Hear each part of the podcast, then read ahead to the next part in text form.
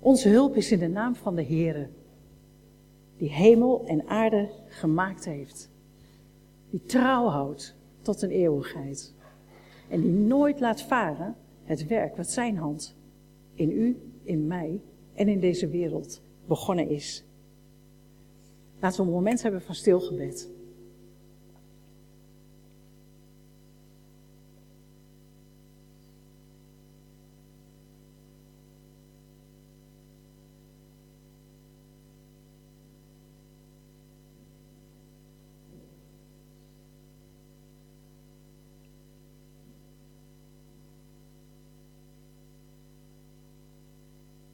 Die stilte komen we naar u toe, Heere God. En vragen u of u heel dicht bij ons wil zijn met uw geest. Of u tot ons, tot ons allemaal wil spreken. Dat vrijheid vandaag opnieuw invulling mag krijgen in ons leven. En dat mogen we vragen niet omdat we zo goed zijn, maar omdat u zo genadig bent. We prijzen uw naam, Heer. Amen. Ik wil een gedeelte met jullie lezen. Het is gelaten 5. Hebt u last van de galm? Hebt u hem, hoort u hem ook? Want ik hoor hem ook. Mag die galm eruit? De hemelsferen zijn voor de andere kant van de eeuwigheid, denk ik. Dus als u met mij mee wil lezen uit Gelaten 5,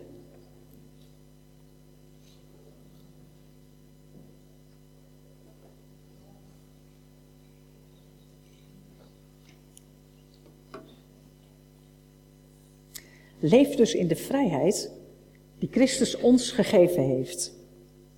Laat je niet opnieuw tot slaven maken van wetten en regels. Ik zeg jullie, als jullie je laten besnijden omdat jullie aan de wet van Mozes willen houden, kan Christus jullie niet redden. Ik zeg het nog eens heel duidelijk. Iedereen die zich laat besnijden, moet zich ook aan de alle regels van de wet van Mozes houden. Jullie denken dat jullie kunnen worden vrijgesproken van schuld door je aan de wet van Mozes te houden. Maar dan hebben jullie niks aan Christus. Want hij vergeeft niet omdat je dat verdient met je goede gedrag, maar omdat je op hem vertrouwt. Maar door Gods geest weten wij zeker dat we zullen worden vrijgesproken van schuld omdat we geloven. Want als je bij Christus hoort, maakt het helemaal niets uit of je besneden bent of niet. Maar alleen geloof is belangrijk. Geloof dat zichtbaar wordt in liefdevolle daden. Jullie, gelaten, begonnen zo goed. Wie is jullie in de weg gaan staan, zodat jullie de waarheid niet meer volgen? Dat idee kwam niet van hem die jullie geroepen heeft. Denk erom, een klein beetje gist laat alle het deeg gisten. Als één mens slecht is, steekt hij de mensen om zich heen aan. Ik weet zeker dat jullie het hiermee eens zullen zijn. Maar die mensen die proberen om jullie te bedriegen en in de waar te brengen, die zullen daarvoor gestraft worden. Het maakt niet uit wie ze zijn. Dan spring ik naar vers 13. Broeders en zusters, jullie zijn door God geroepen om vrij te zijn. Maar jullie mogen die vrijheid niet gebruiken om zomaar te doen waar je zin in hebt. Nee, jullie moeten elkaar liefdevol dienen. Want de hele wet van Mozes wordt samengevat met deze woorden. Houd net zoveel van je medemens als van jezelf. Maar als jullie als beesten tegen elkaar tekeer gaan, pas dan maar op dat jullie niet door elkaar verscheurd worden. Ik bedoel dit. Laat je leiden door de geest en niet door je eigen ik. Want wat het ik wil, is precies het tegenovergestelde van wat de geest wil. En wat de geest wil, is precies het tegenovergestelde van wat het ik wil. Jullie moeten dus niet doen wat je maar wil, maar je door de geest laten leiden. En dan is de wet van Mozes niet voor jullie. En dan wat praktijk. Het is duidelijk wat verlangens van het ik zijn. Verkeerde dingen doen op het gebied van seks, Doe maar op losleven. Afgoden aanbidden. Toverij. Haat. Ruzie. Jaloersheid. Driftbuien. egoïsme, verdeeldheid, boosheid, moord, dronkenschap, wilde feesten en meer van dat soort dingen. Ik waarschuw jullie hiervoor, zoals ik dat ook al eerder gedaan heb. Want mensen die deze dingen blijven doen, zullen niet in het koninkrijk van God komen. Maar door de geest ontstaat de vrucht. Liefde, blijdschap, vrede, vriendelijkheid en goedheid. Geloof, hulpvaardigheid en zelfbeheersing. En tegen zulke dingen heeft de wet van Mozes niets. De mensen die van Christus zijn, hebben hun ik met alles wat daarbij is gekruisigd. Laat je dus leiden door Gods geest. Dan zul je ook door Gods geest op het rechte pad blijven. We moeten niet lopen opscheppen, elkaar irriteren of jaloers zijn op elkaar. Ik hoor nog steeds dat uh, piepje, niets aan te doen.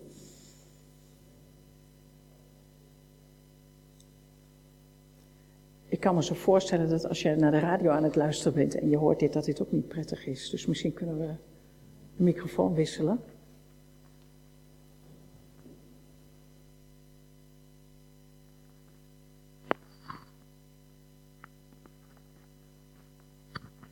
Ja, dankjewel. Volgens mij is dit beter. Ja. Hebben jullie gisteravond gekeken naar de dodenherdenking? Wie heeft er gekeken? Mag ik even handen zien? Oh, heel veel kinderen ook. Oh, mooi. Prachtig, dankjewel. Dan hebben jullie vast ook het verhaal van Femke Halsema gehoord. Een prachtig verhaal over keuzes en keuzes maken.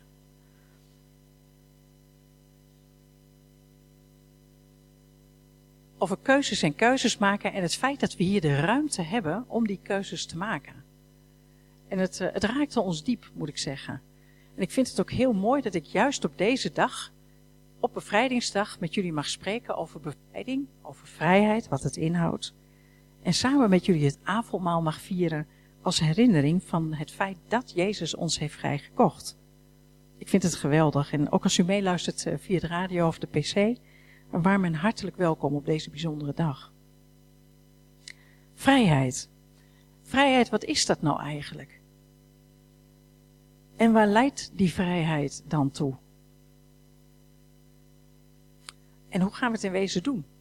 Want zeggen dat je vrij bent één ding, maar eruit leven is nog wat anders. En eigenlijk heeft Paulus in dit vijfde hoofdstuk van de Galatenbrief al het voorgaande uit de Galatenbrief samengepakt. Uh, en zet het allemaal voor ons nog één keer op een rij. En dat doet hij zoals Paulus dat heel goed kan. Uh, met veel woorden, maar wel heel duidelijk. In vers 1 stelt hij heel duidelijk, wij zijn bevrijd tot vrijheid. Dat staat er ook letterlijk in het Grieks. U bent bevrijd om vrij te zijn. En dat is geheel en alomvattend. Het is bevrijd zijn van de zonde, dat hebben we ook gezongen net met de liederen. Het is bevrijd zijn van je zondige natuur, van je natuur om dingen te doen voor jezelf. Het is bevrijd zijn van de vloek die na de zondeval is uitgesproken. Ik vind het altijd weer verbazingwekkend hoeveel kinderen van God gewoon onder die vloek blijven leven, alsof dat de bedoeling is. Maar nee, daar zijn we van vrijgekocht. We zijn bevrijd van de wet die ons veroordeelde. Uh, en we zijn bevrijd van de dood. En zoals we hier zitten, ook al weten we dat we fysiek een einde maken, hebben aan, uh, aan dit leven. Maar we weten dat we uh, mogen leven en mogen heersen met Hem voor eeuwig. Al voor een deel hier op aarde en voor een deel aan de andere kant van de eeuwigheid. Het is een vrijheid die we ontvangen van God door het werk van de Heer Jezus Christus. En dat weten we. Tenminste, dat mag ik aannemen, dat jullie dat weten zoals je hier zit. En het is ook iets wat we gekregen hebben vanuit Gods genade. Met andere woorden, we kunnen er niks aan toevoegen. Het is door geloof. Ik weet nog dat ik op de zondagschool in Hengelo van tante Sini de mooie tekst leven dat we door genade behouden waren, door het geloof en dat niet uit jezelf, zodat niemand roemen. Dus je hebt niks, maar dan ook werkelijk helemaal niets om je op voor te staan als christen. Het feit dat wij gered zijn, dat we dat mogen weten, zoals we hier zitten, is totale genade. Je hebt niks in te brengen dan lege briefjes. Want die vrijheid krijgen we van God. En die geldt voor jong en oud. Die vrijheid raakt aan onze positie, niet alleen hier in deze wereld, maar ook in de geestelijke wereld.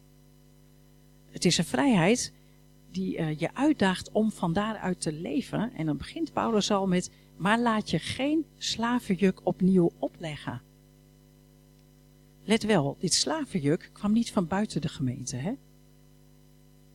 Dit slavenjuk kwam van binnenuit. Er was een groep, die noemen wij dan nu dwaalleraren, maar die waren zeer overtuigend. Waarschijnlijk waren het tot rijke mannen. dat is waarom Paulus ook zegt, het maakt niet uit, ze zullen wel hun, uh, hun loon krijgen. Het maakt niet uit wie ze wel niet zijn. Rijke, invloedrijke uh, mannen, maar die wel met een slavenjuk kwamen. En dat slavenjuk haalde blijkbaar alles onderuit waarvoor de Heer Jezus nou juist gestorven was. En dan moet je weten dat in het Jodendom het juk op je nemen best een hele vrome kreet was die iedereen wel bezigde. Want het juk op je nemen betekende gewoon je, dat je wilde voldoen aan de vereisten die nodig waren voor het koninkrijk van God. Dus het klonk ook nog heel vroom. Het klonk eigenlijk wel helemaal prima. En toch zegt Paulus, als jullie dat doen, als je dat juk op je neemt, dan laat je je opnieuw knechten en dan ben je kwijt alles waarvan jij bent vrijgekocht. En wat is dat alles dan? En dan legt hij het hier vooral uit op basis van, en dat is de wet. Want jij bent vrijgekocht, je bent vrijgezet van de wet. Want die had Jezus al vervuld. Maar deze leraren koppelden eigenlijk het heil, het gered zijn, het vrij zijn, koppelden ze aan eigen inzet. En hoe deden ze dat dan? Door op te roepen om je toch weer te laten besnijden. Want dat stond immers in de wet. Paulus was daar eerst zelf ook wel van, zou je kunnen zeggen. Dus wat maakt dan dat hij daar zo tegen ageert? Want hij verzet zich hier met hand en tand tegen. Hè? Het is mooi als je de Griekse teksten leest, dan staat er ook, dan, dan is hij hier zo zwart-wit in, zo scherp, bijna filijn. Waar hij tegen ageert is het feit dat mensen denken dat ze zelf nog iets aan dat heil kunnen toevoegen. Dat ze denken dat ze daar zelf nog een vinger in die pap hebben. Dat ze hun heil kunnen bewerken door iets te doen, namelijk in dit geval dan de besnijdenis. En dan verwachten ze helemaal geen bevrijding meer van Christus alleen. Nee, dan is het bevrijding van Christus en het feit dat zij zich lieten besnijden. Nou, maar het gaat dus niet om die besnijdenis, hè? daarom heb ik ook een stukje weggelaten. En omdat de drie groepen wel bij ons in de kerk zitten van de zondagschool. Het gaat er eigenlijk om dat Paulus zegt, joh, mensen, verwacht nou niet het heil van jezelf. Denk nou niet dat je zelf kunt maken dat jij een goede christen bent. En wat is dan een goede christen? Iemand die in vrijheid leeft. Want daar gaat het iedere keer maar om. Die vrijheid, die staat echt centraal. Wanneer jij denkt, wanneer ik denk, dat we met een besnijdenis of eigenlijk door iets zelf te kunnen doen, hè, onafhankelijk van de genade van God, nog iets kunnen bewerken in ons christelijk leven, dan zijn we eigenlijk alles kwijt, want we zetten ons door dit ene dingetje te doen, zegt Paulus, onder de totale wet. Nou, dan nodig ik je uit om Leviticus te lezen. Dat zijn er nogal wat, al die wetten. En die wet was nou juist bedoeld om te laten zien dat mensen die niet konden houden. Die was bedoeld om mensen te laten zien, joh, je hebt Christus nodig. En voor de Joden, je hebt de Messias nodig, die jou vrijmaakt. Dat kun je niet zelf. We hebben dat niet in huis. Dus het gaat om heel verschillende sferen. Aan de ene kant de wet, het zelf doen, het zelf regelen, je eigen christelijkheid bewerken en daar ook je eigen denken over hebben. Het is ook autonoom. En aan de andere kant een hele diepe dankbaarheid van weten, ik ben gered, ik ben geheiligd, gereinigd, maar niet door mijzelf, enkel en alleen door genade van de Heer Jezus. Is dat amen? Dat is amen. Daar staan wij voor. Dus we hoeven het niet zelf te doen, omdat we het niet zelf kunnen.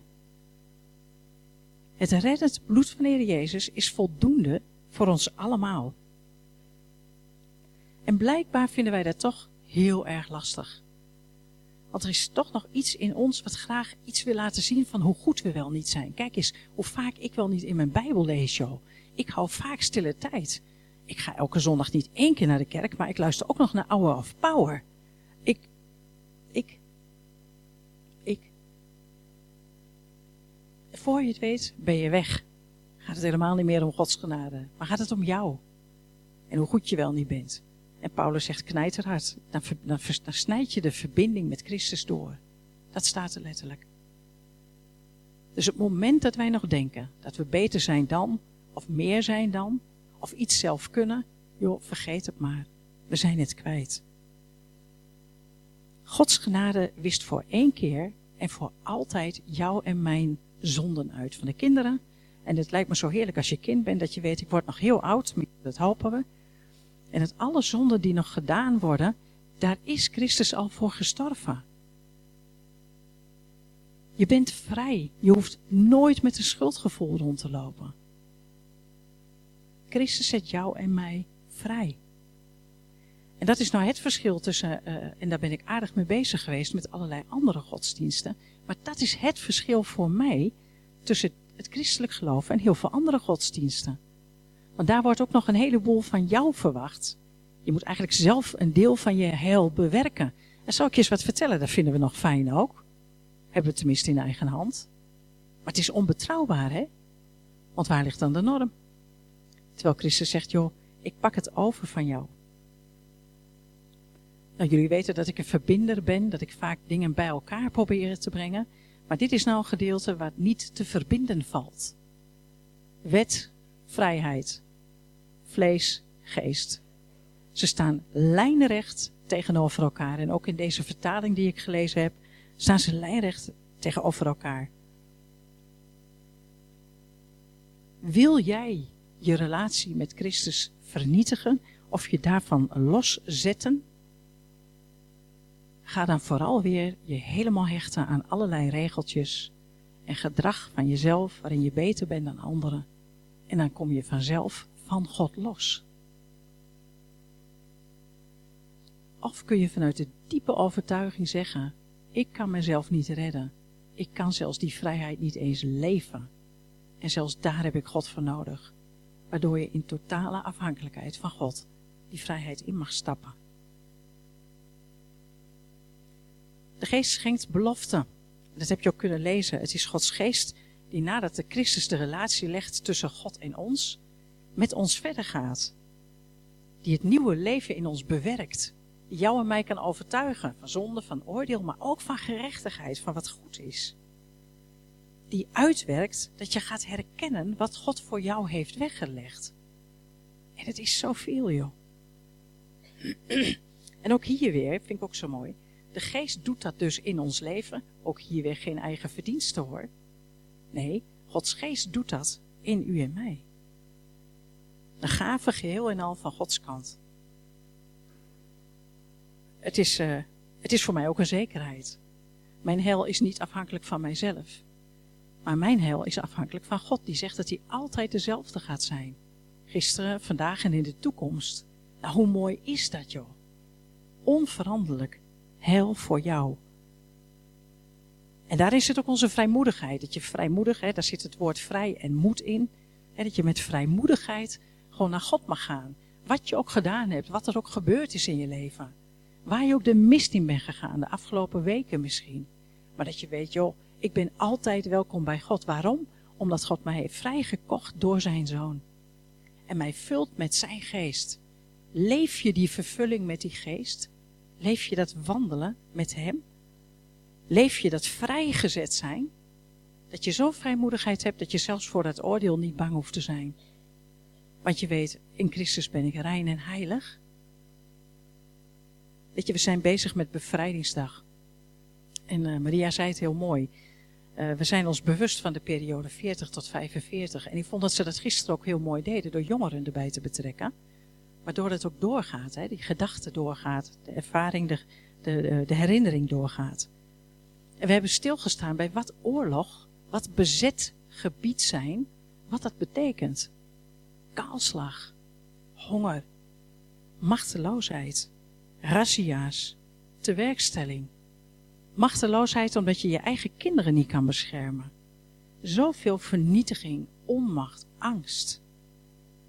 En sommige gevolgen werken tot op de dag van vandaag. Hè. Laten we dat niet vergeten door. Bij mensen. Als we verhalen horen van mensen die iets meemaakten, zelfs al waren ze maar kind. Het zijn beelden die ze nooit meer kwijtraken.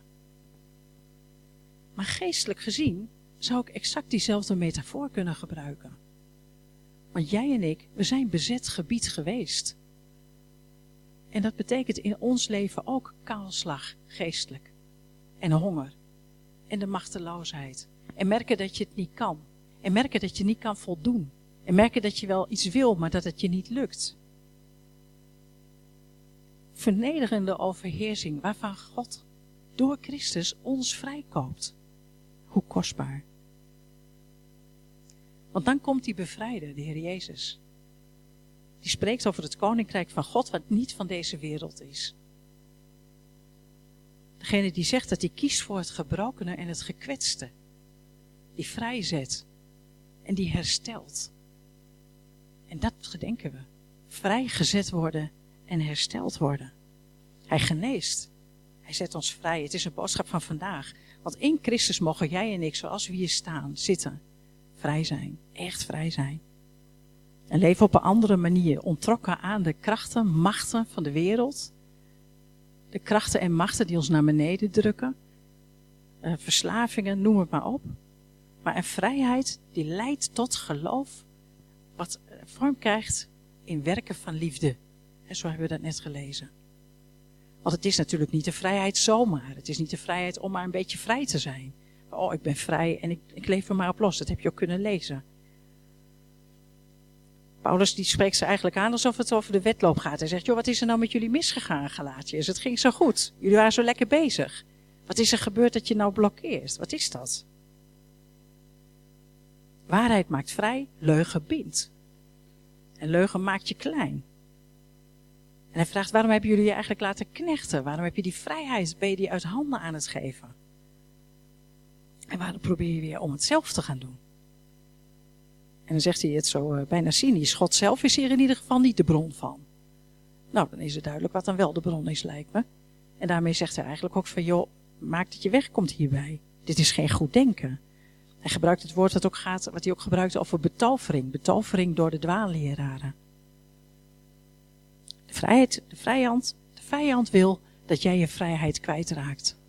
En de vrijheid kwijtraken betekent dat je gaat leven en wandelen zoals de vijand het wil.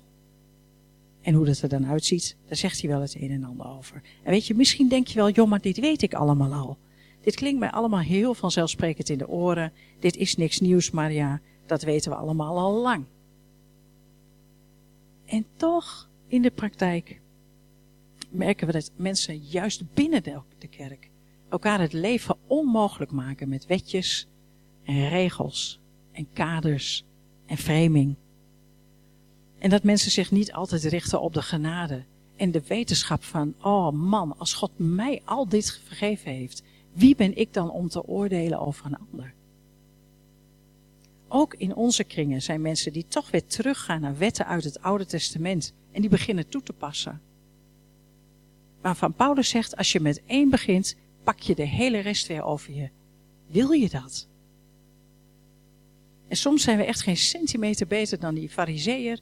Jullie kennen het verhaal wel. Dat de Heer Jezus het verhaal vertelt van die fariseeër. Die staat te bidden en een eindje verderop staat de tollenaar. En de tollenaar die durft nauwelijks te bidden. Maar de fariseeër wel hoor. En die bidt zoiets van, oh God, dank u wel dat ik niet ben zoals die tollenaar. Er zit helemaal niks van genade in. Maar het verhaal wordt ons niet voor niks verteld. Wij hebben die neiging ook. Bevrijd en dan gaan oordelen. Gek is dat, hè? Jullie kennen vast het verhaal wel van die man die zoveel vergeven werd. De heer Jezus vertelt dat. Daar wordt hem heel veel vergeven. En dan loopt hij de straat op. Ik kan bijna niet, niet geloven dat hem dat allemaal vergeven is. Dan gaat hij de straat op en dan bedenkt hij, oh wacht even, maar die is ook nog schuld, uh, geld schuldig aan mij. Het gaat om een klein bedragje, maar daar gaat het niet om. En helemaal vergetend wat hij zelf vergeven is, race hij naar die persoon toe, die kan hem niet betalen en die gooit hij vervolgens in de gevangenis. Dat doen we. Dan zijn we net vrijgezet en dan gaan we het oordeel in. Is na de oorlog ook gebeurd. Er zijn heel wat mensen veroordeeld direct na, de, na 1945, of in 1945 kan ik wel beter zeggen. En waarvan mensen dachten, oh, die werkten samen met, of die vrouwen die. En wat zijn er veel mensen kaalgeschoren en afgemaakt om zaken die helemaal niet aan de orde waren. Want we waren helemaal niet klaar om te kunnen oordelen. En dat zegt God ook. Laat het oordeel maar. Zorgvuldig handelen is nog niet zo simpel als jouw onrecht is aangedaan. En het is ook niet simpeler wanneer jij wordt vrijgezet. Want dan hebben we nog steeds die neiging om te blijven meten. Denken dat je beter bent of dat je anders bent. Ach, de Jezus maakt daar korte metten mee. Iedere zelfverheffing, iedere gedachte die we hebben, die onszelf omhoog haalt en de ander naar beneden drukt, daarmee haal je de vrijheid weg. De vrijheid die God voor jou bedoeld had en waarin je lekker, maar dan wel in genade, mag wandelen. Maar je haalt ook de vrijheid van een ander weg. Want ik wil ze niet de kost geven, en dat bedoel ik niet als grapje. Ik wil ze niet de kost geven, de mensen die zeggen: Ik ga niet naar een kerk hoor. Want zo gauw je in die kerk zit, komen ze met hun regeltjes. En dan kan ik wel janken, want dan denk ik: joh, waarom hebben wij niet het getuigenis van: zo gauw je bij die kerk komt, dan krijg je een bad van warme liefde over je heen. Dan is er genade. Dan gaan ze naast je staan. Dan gaan ze kijken hoe ze je dichter bij God kunnen brengen. We hebben nog werk aan de winkel. Paulus zegt: pas op als jij bezig bent met anderen een juk op te leggen. En laat jezelf, maar ook de ander, de positie waar de Heer ons voor bedoeld had, namelijk vrijheid. Nou, wat is die praktijk? Die praktijk is dat je elkaar gaat dienen. Dus als je dacht, ergens noemt Paulus dat ook goedkoop op de genade losleven. Nee, dat is er niet bij. Dat is er niet bij. Want die vrijheid waarvoor we geroepen zijn, die is eigenlijk, wordt die bedreigd aan twee kanten. Aan de ene kant door de wet, die de vrijheid weer weghaalt. Maar aan de andere kant door de autonomie van mensen die denken, ik kan het zelf wel. En dan ga ik doen waar ik zelf zin in heb. En dat zit ook allemaal in allemaal van ons, denk ik wel een klein beetje.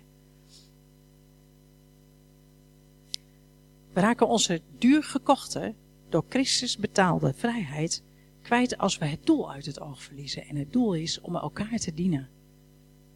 Jij, je man, je man, je vrouw. Jij, de ouderen in de gemeente, of de ouderen, de jongeren in de gemeente. Moet ik even doorgaan?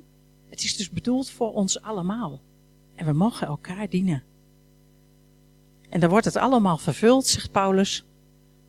En daarmee valt hij eigenlijk terug hè, op Leviticus. Hij, haalt het niet zomaar uit zijn broekzak. Leviticus 19.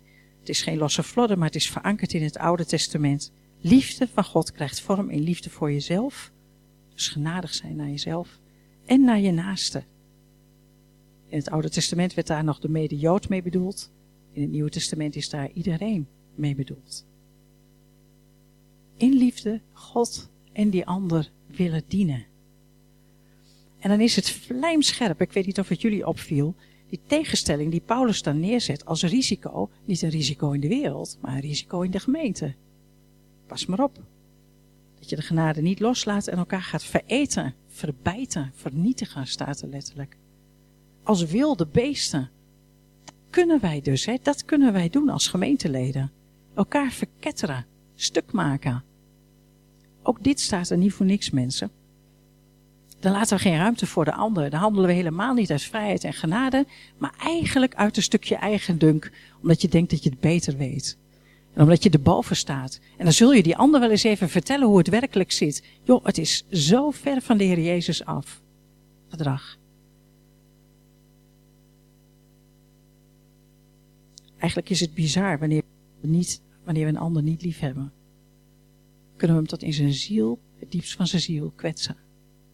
En het moment dat we besluiten dat we de ander dienen, dienen zoals Christus mogen dienen, dan kunnen we die ander eigenlijk alleen maar goed doen. Soms denk ik wel eens dat wij als christenen niet verder komen dan het kleuterniveau. We blijven een beetje op elkaar zitten hakken takken in die zandbak met ons schepje. Hoe jammer is dat?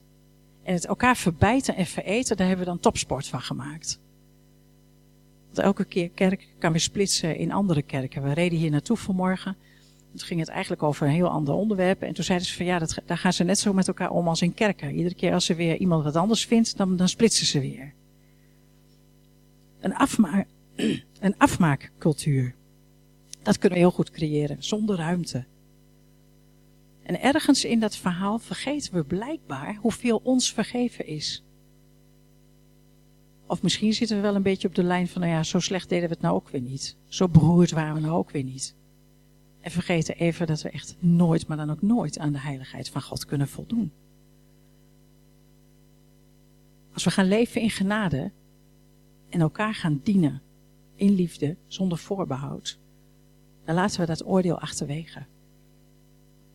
Dan realiseren wij ons dat het Gods onmogelijk is om oordeelvrij te zijn.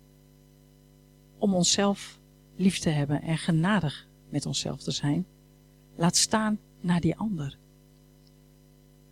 En dat brengt me ook bij het laatste punt. Vrij, is één. Uh, we zijn vrij om vrij te handelen. Dat betekent elkaar te dienen. En het derde is van ja, maar hoe dan? Hoe gaan we dat dan doen? En Paulus is daar heel duidelijk in. Leven in vrijheid lukt alleen maar wanneer wij wandelen in en door de geest. Nou weet ik niet wat voor beeld jullie hebben bij wandelen in de geest, maar ik krijg daar beelden bij. Ik denk dan aan, uh, dat heeft iets met geduld te maken. Het is niet racen, hè? het is geen wedloop, maar het is, uh, het is rustig. Het is uh, de andere zien in zijn waarde. Het heeft te maken met reflectie.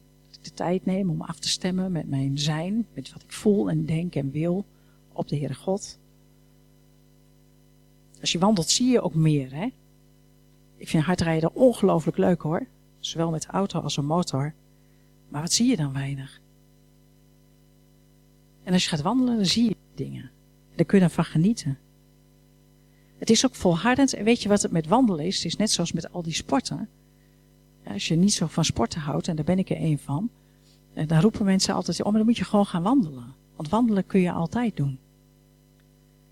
En waarom is het belangrijk? Want wandelen zet alles van jou in. En dat vraagt God van ons. Joh, ga wandelen in die geest. Ga wandelen met die geest. Maar wel, dan ben je dus zelf met je hele lijf en leden ingezet. En iedere dag minstens een half uurtje. En twee keer extreem in de week, hè? Want waarom zouden we wel fysiek bewegen en niet mentaal?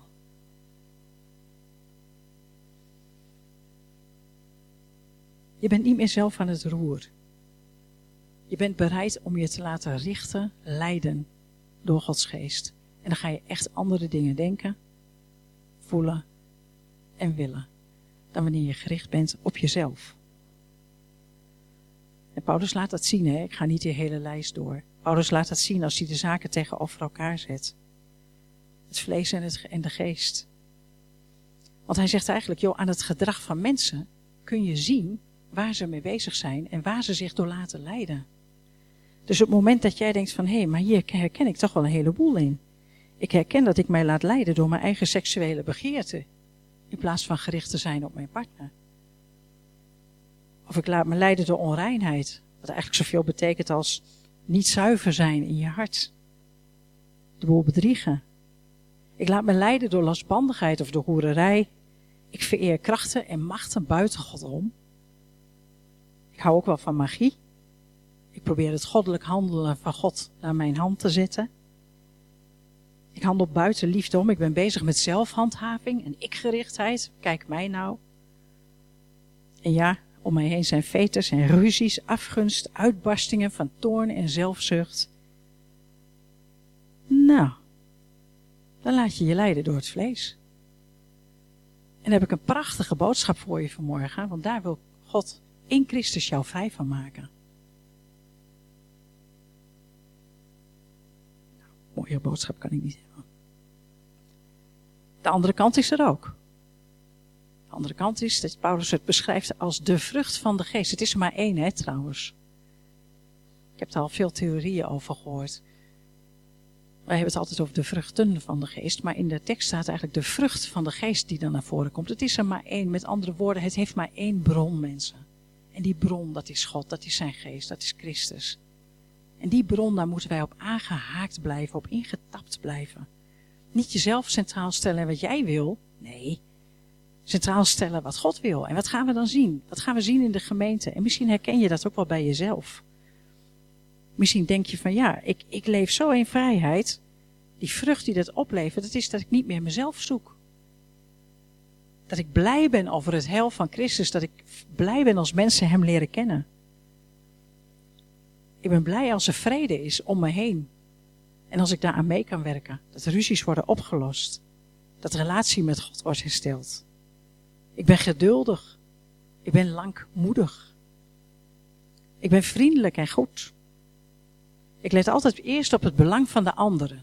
En dan pas op mezelf. Ik denk nooit, ja, maar die heeft dat wel en ik heb dat niet. En ik ben trouw en ik geloof. En ik wil aan de mensen laten zien wie God is. En dat doe ik door zelf trouw te zijn aan God. In de wetenschap dat ik dit allemaal zelf niet kan. Maar dat God dat doet in mij en door mij heen.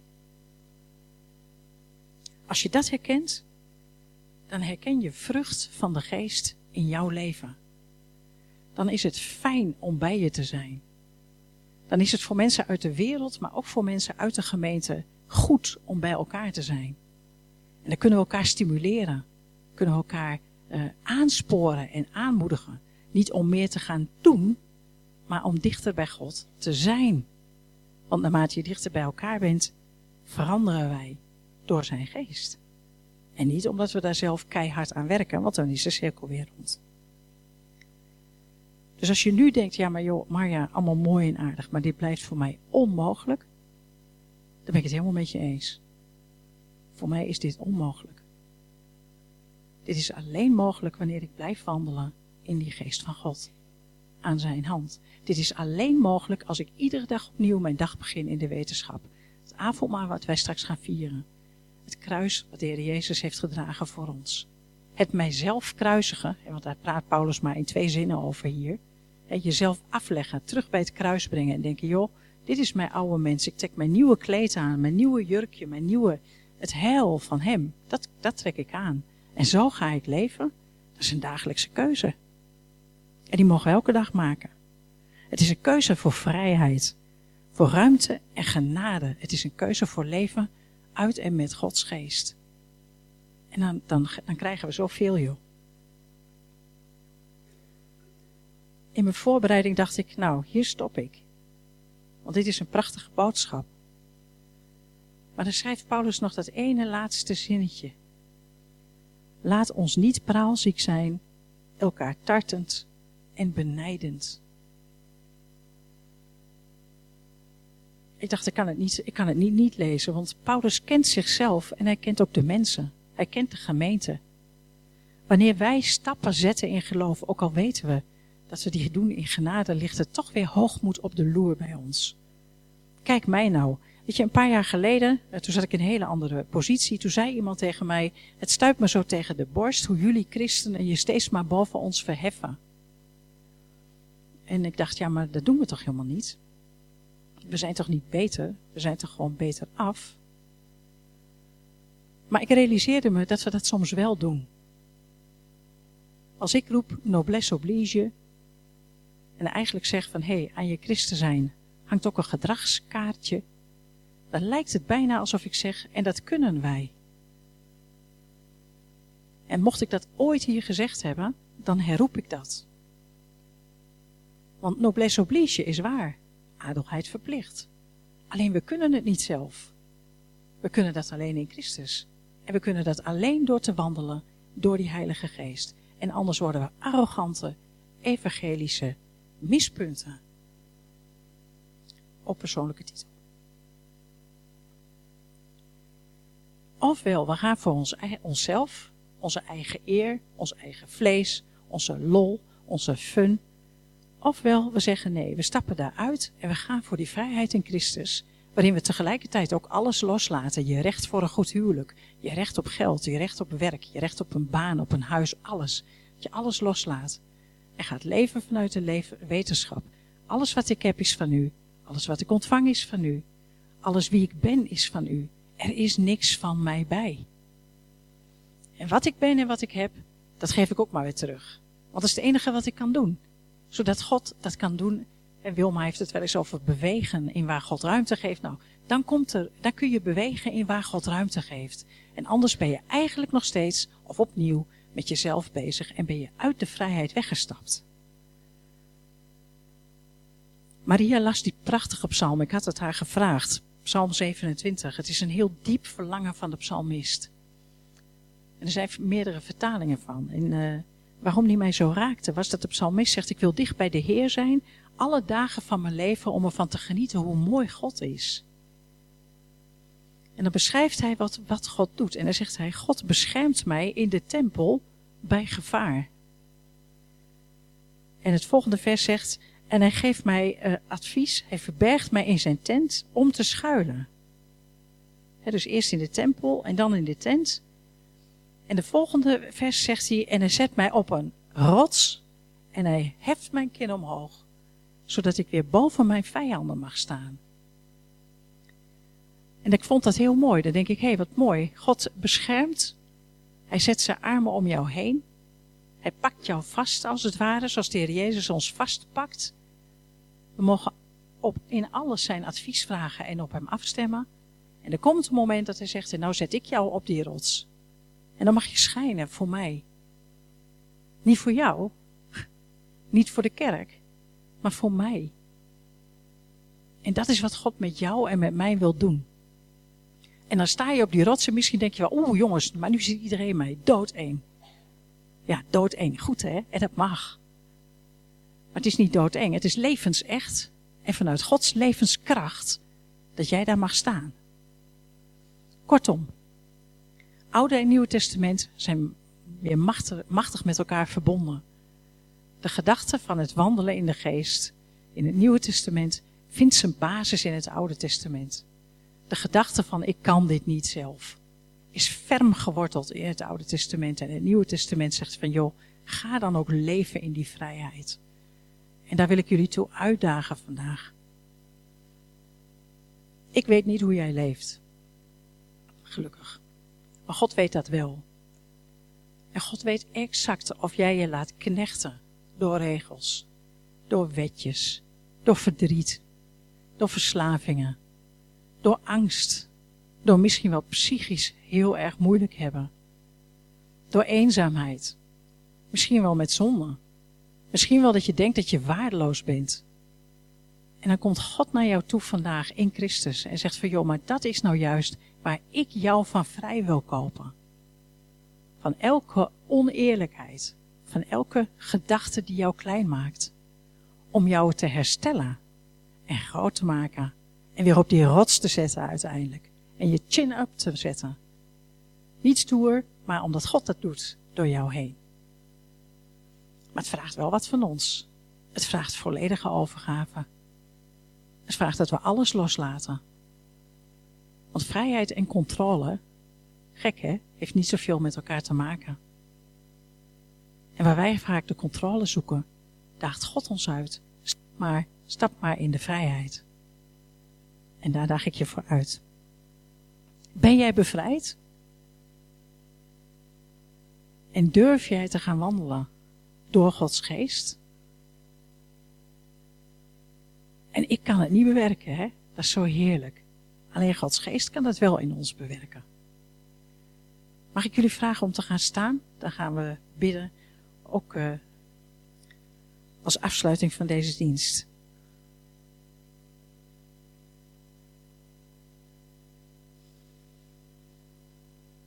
Ja, Heere God, hier staan wij. we staan hier voor u. Op een uh, prachtige dag als vandaag, op bevrijdingsdag.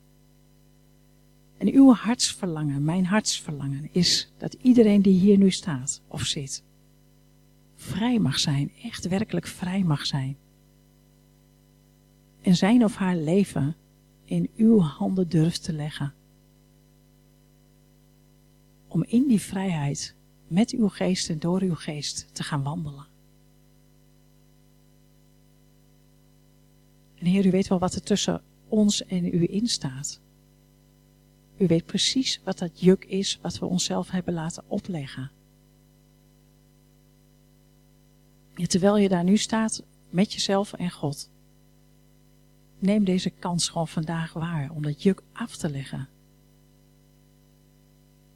En als jij denkt van hé, maar dat wil ik, ik wil vrij zijn, doe dat dan gewoon nu in je eigen woorden. Richt je op Hem, zodat Hij je mag vullen met Zijn geest, vullen met Zijn vrijheid. En je werkelijk in Hem mag gaan wandelen.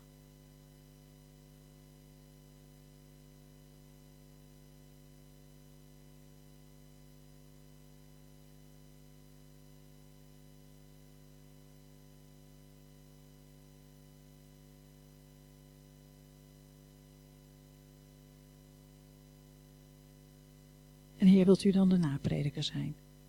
Ontferm u over ons. Amen.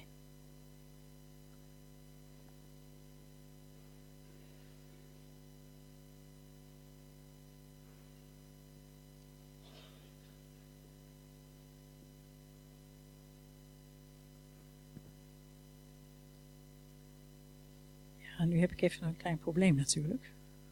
Want nu heb ik te weinig handen.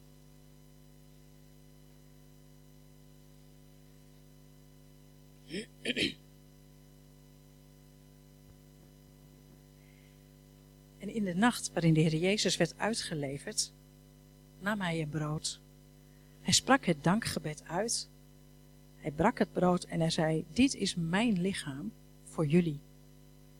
Doe dit telkens opnieuw om mij te gedenken.